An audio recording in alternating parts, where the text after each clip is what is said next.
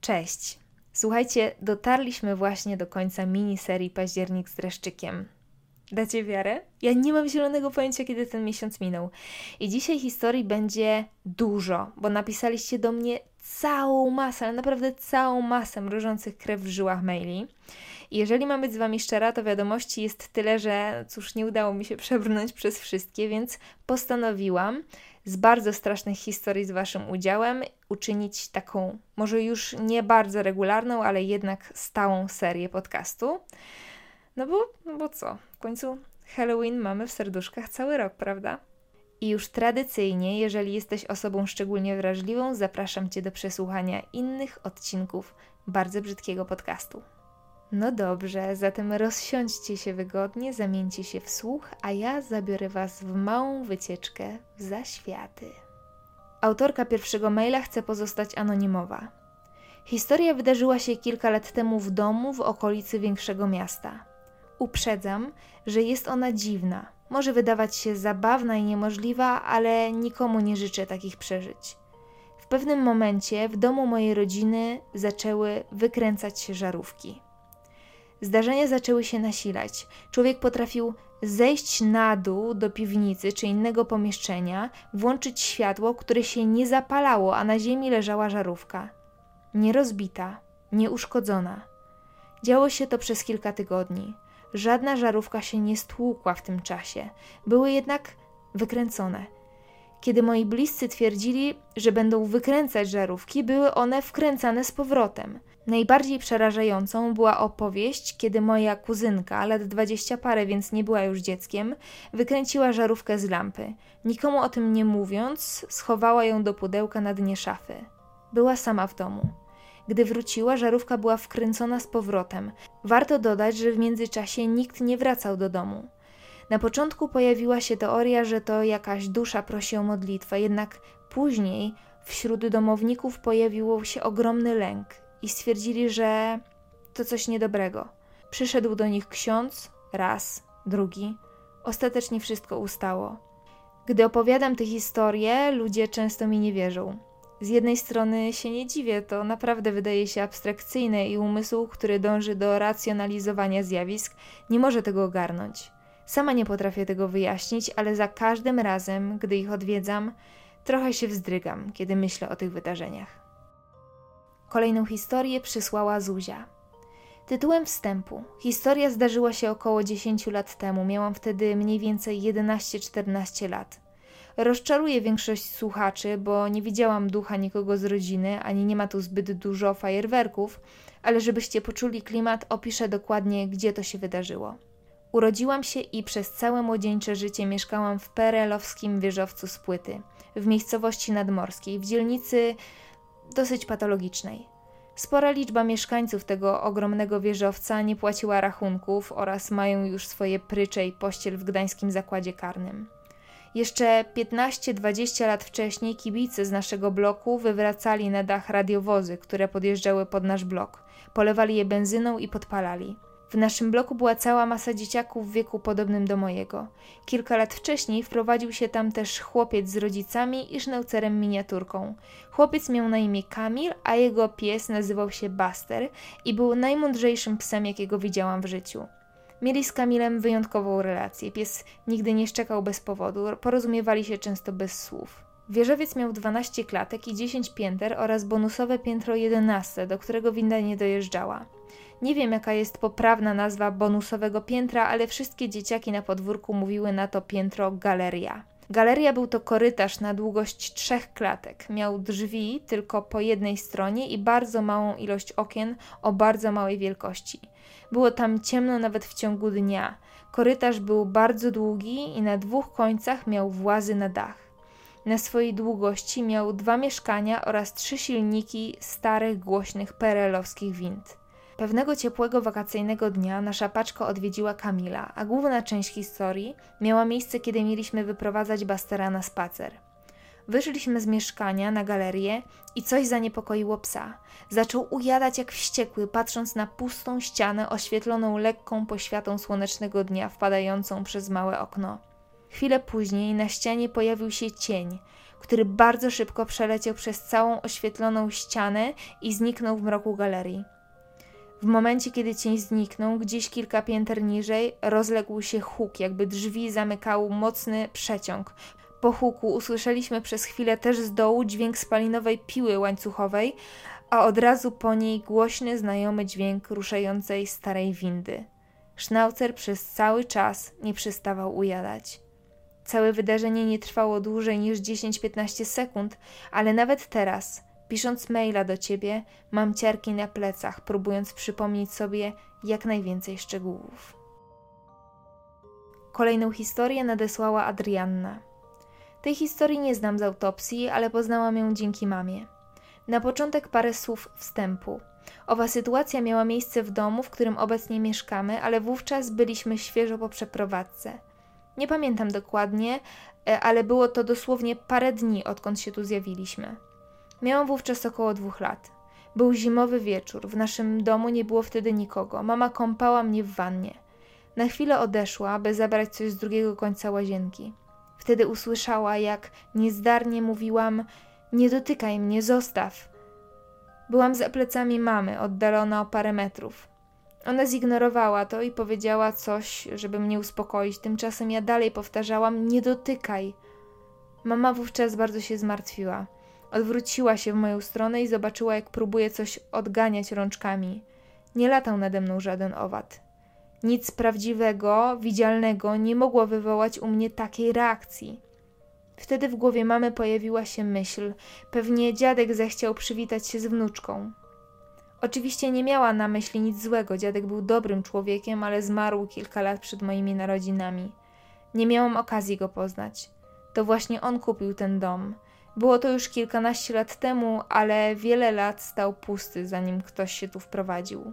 Odkąd usłyszałam tę historię, zastanawiam się, czym wtedy była wywołana moja dziecięca reakcja.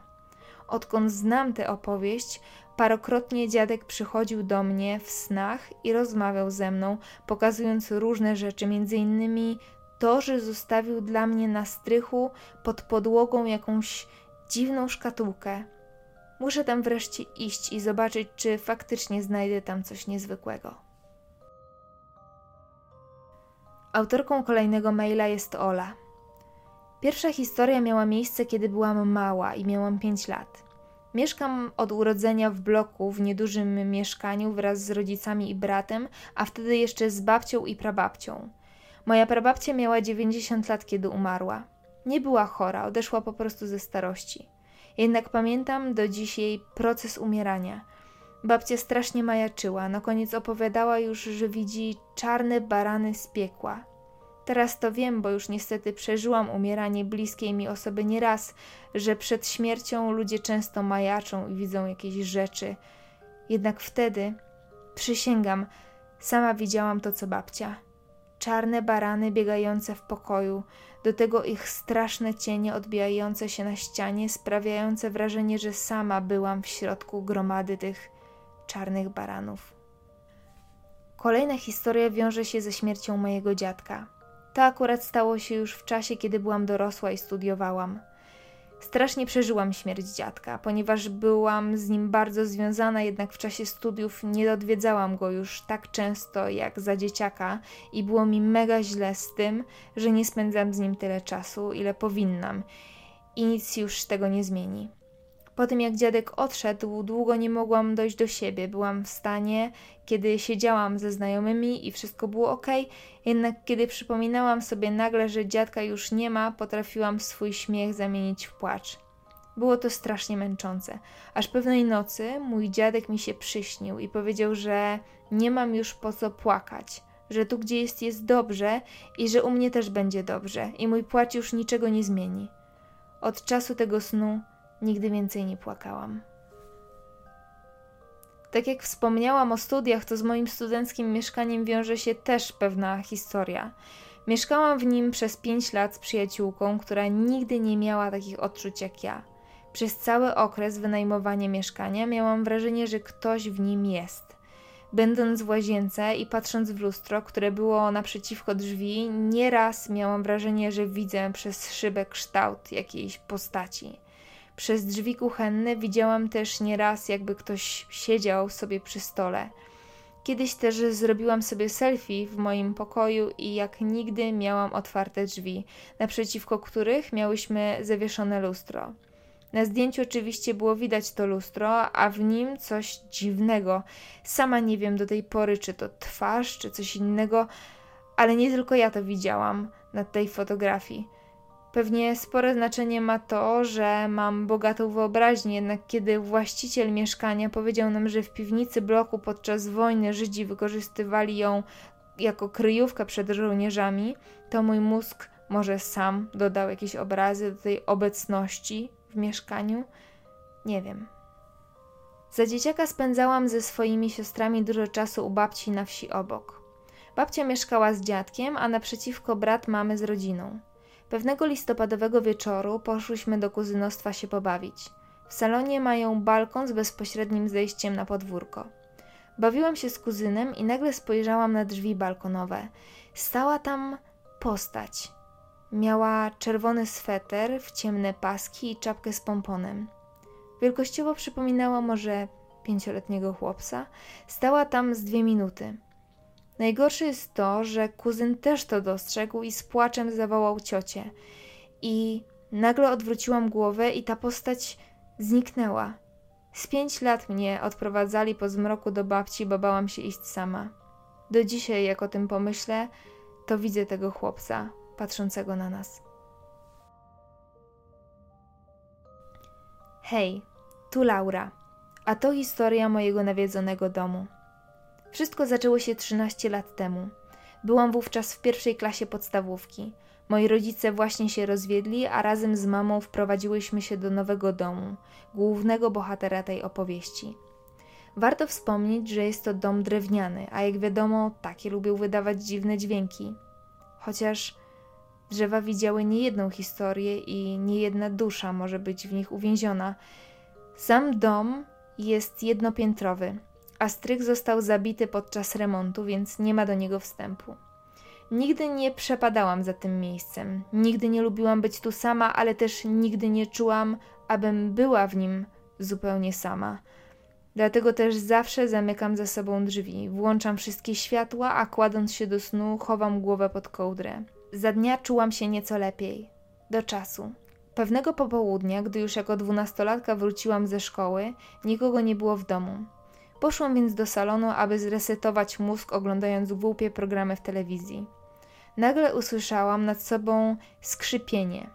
Dochodziło ze strychu, do którego przecież nie da się wejść. Okej, okay, to nic takiego, pomyślałam. W końcu dom jest drewniany. Z tym, że dźwięk nie ustawał, a co gorsza, przypominał kroki. Pewnie wszyscy kojarzycie obraz typowego więźnia z ciężką kulą u nogi. Tak też to brzmiało. Słyszałam nad sobą kroki osoby ciągnącej za sobą coś ciężkiego.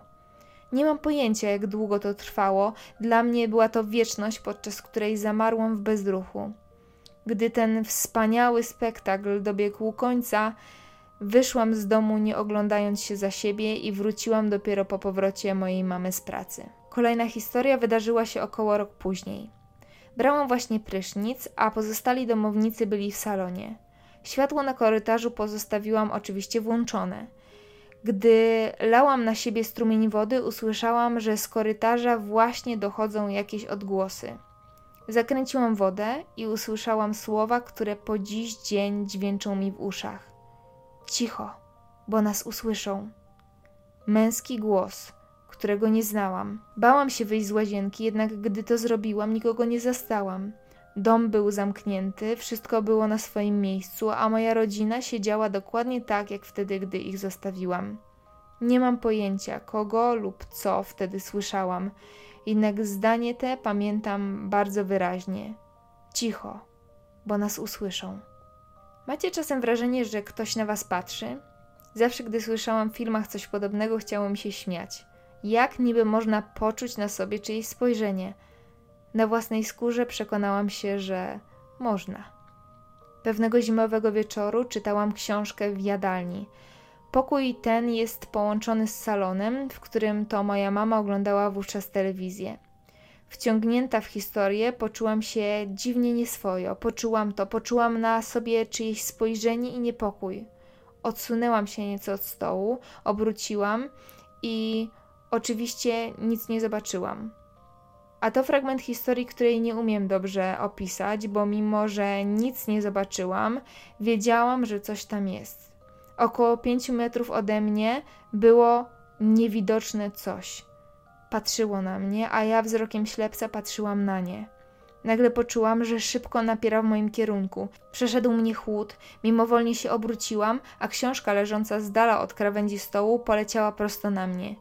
Nie było możliwości, aby się zsunęła, ani abym to ja ją zrzuciła. Coś zniknęło. Znikał niepokój. Zniknął chłód.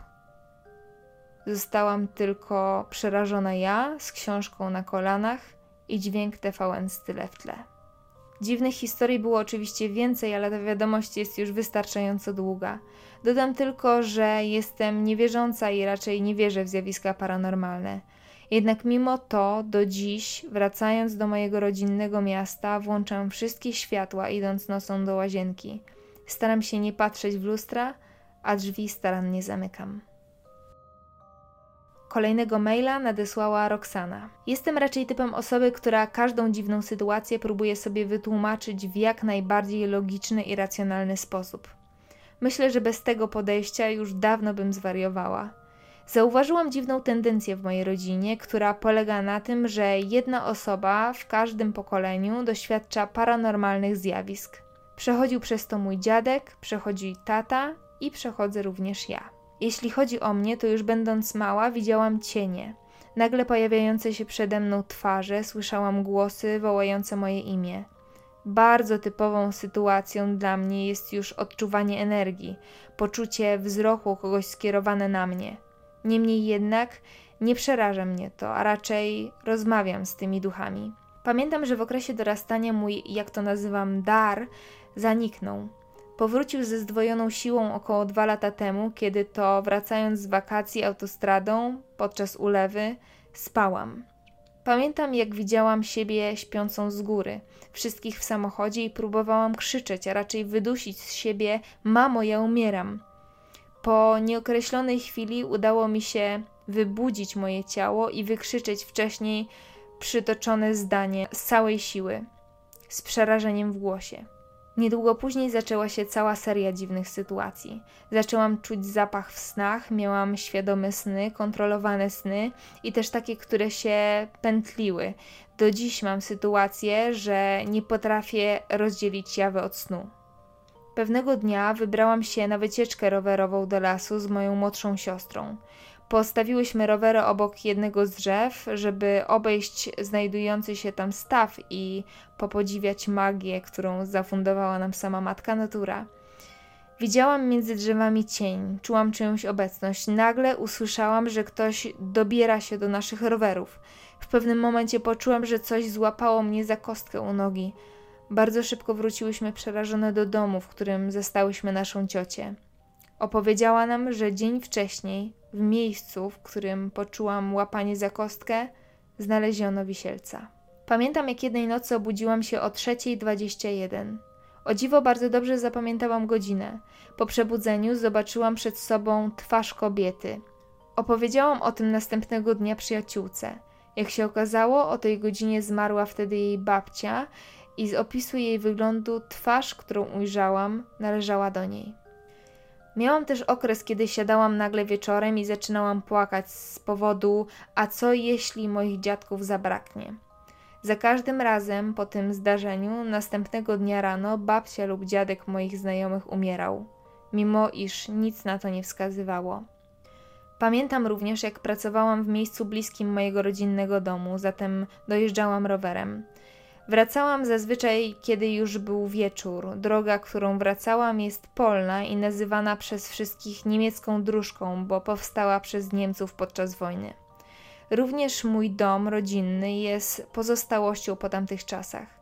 Wracając, widziałam biegnące zające, sarny, koty, psy, które nagle się rozmywały i znikały. Wokół są puste pola, więc nie ma mowy, żebym nagle straciła je z pola widzenia. Opowiedziałam o tym tacie, który, jak się okazało, widzi to samo. Od dwóch miesięcy mieszkam w Poznaniu. W mieszkaniu, które wynajmuję, wcześniej mieszkała starsza para, o czym dowiedziałam się od sąsiadki. Bardzo często ktoś puka do drzwi, lecz nikogo nie ma. Wbija kod do mieszkania i nie wchodzi. Pomijam już odgłosy chodzenia, otwierające się drzwi. Codziennie budzę się o piątej nad ranem. Mimo wszystko czuć ciepłą energię. I na koniec moje ulubione, czyli nagły i niespodziewany napływ stresu, nerwów, a czasem atak paniki znikąd. Bardzo często przychodzi mi na myśl wtedy osoba, sytuacja, miejsce. Traktuję to jako ostrzeżenie z góry, że stanie się coś złego. Co najśmieszniejsze, zawsze się sprawdza. No dobrze, i w ten sposób dotarliśmy do końca ostatniego odcinka naszej miniserii Październik z dreszczykiem. Ja się bawiłam przecudownie, więc tak jak mówiłam na wstępie, na pewno będę jeszcze takie odcineczki w trakcie tego roku, całego roku, a co? Jak szaleć to szaleć, urządzać. A póki co uciekam. Do usłyszenia. Całuję. Cześć.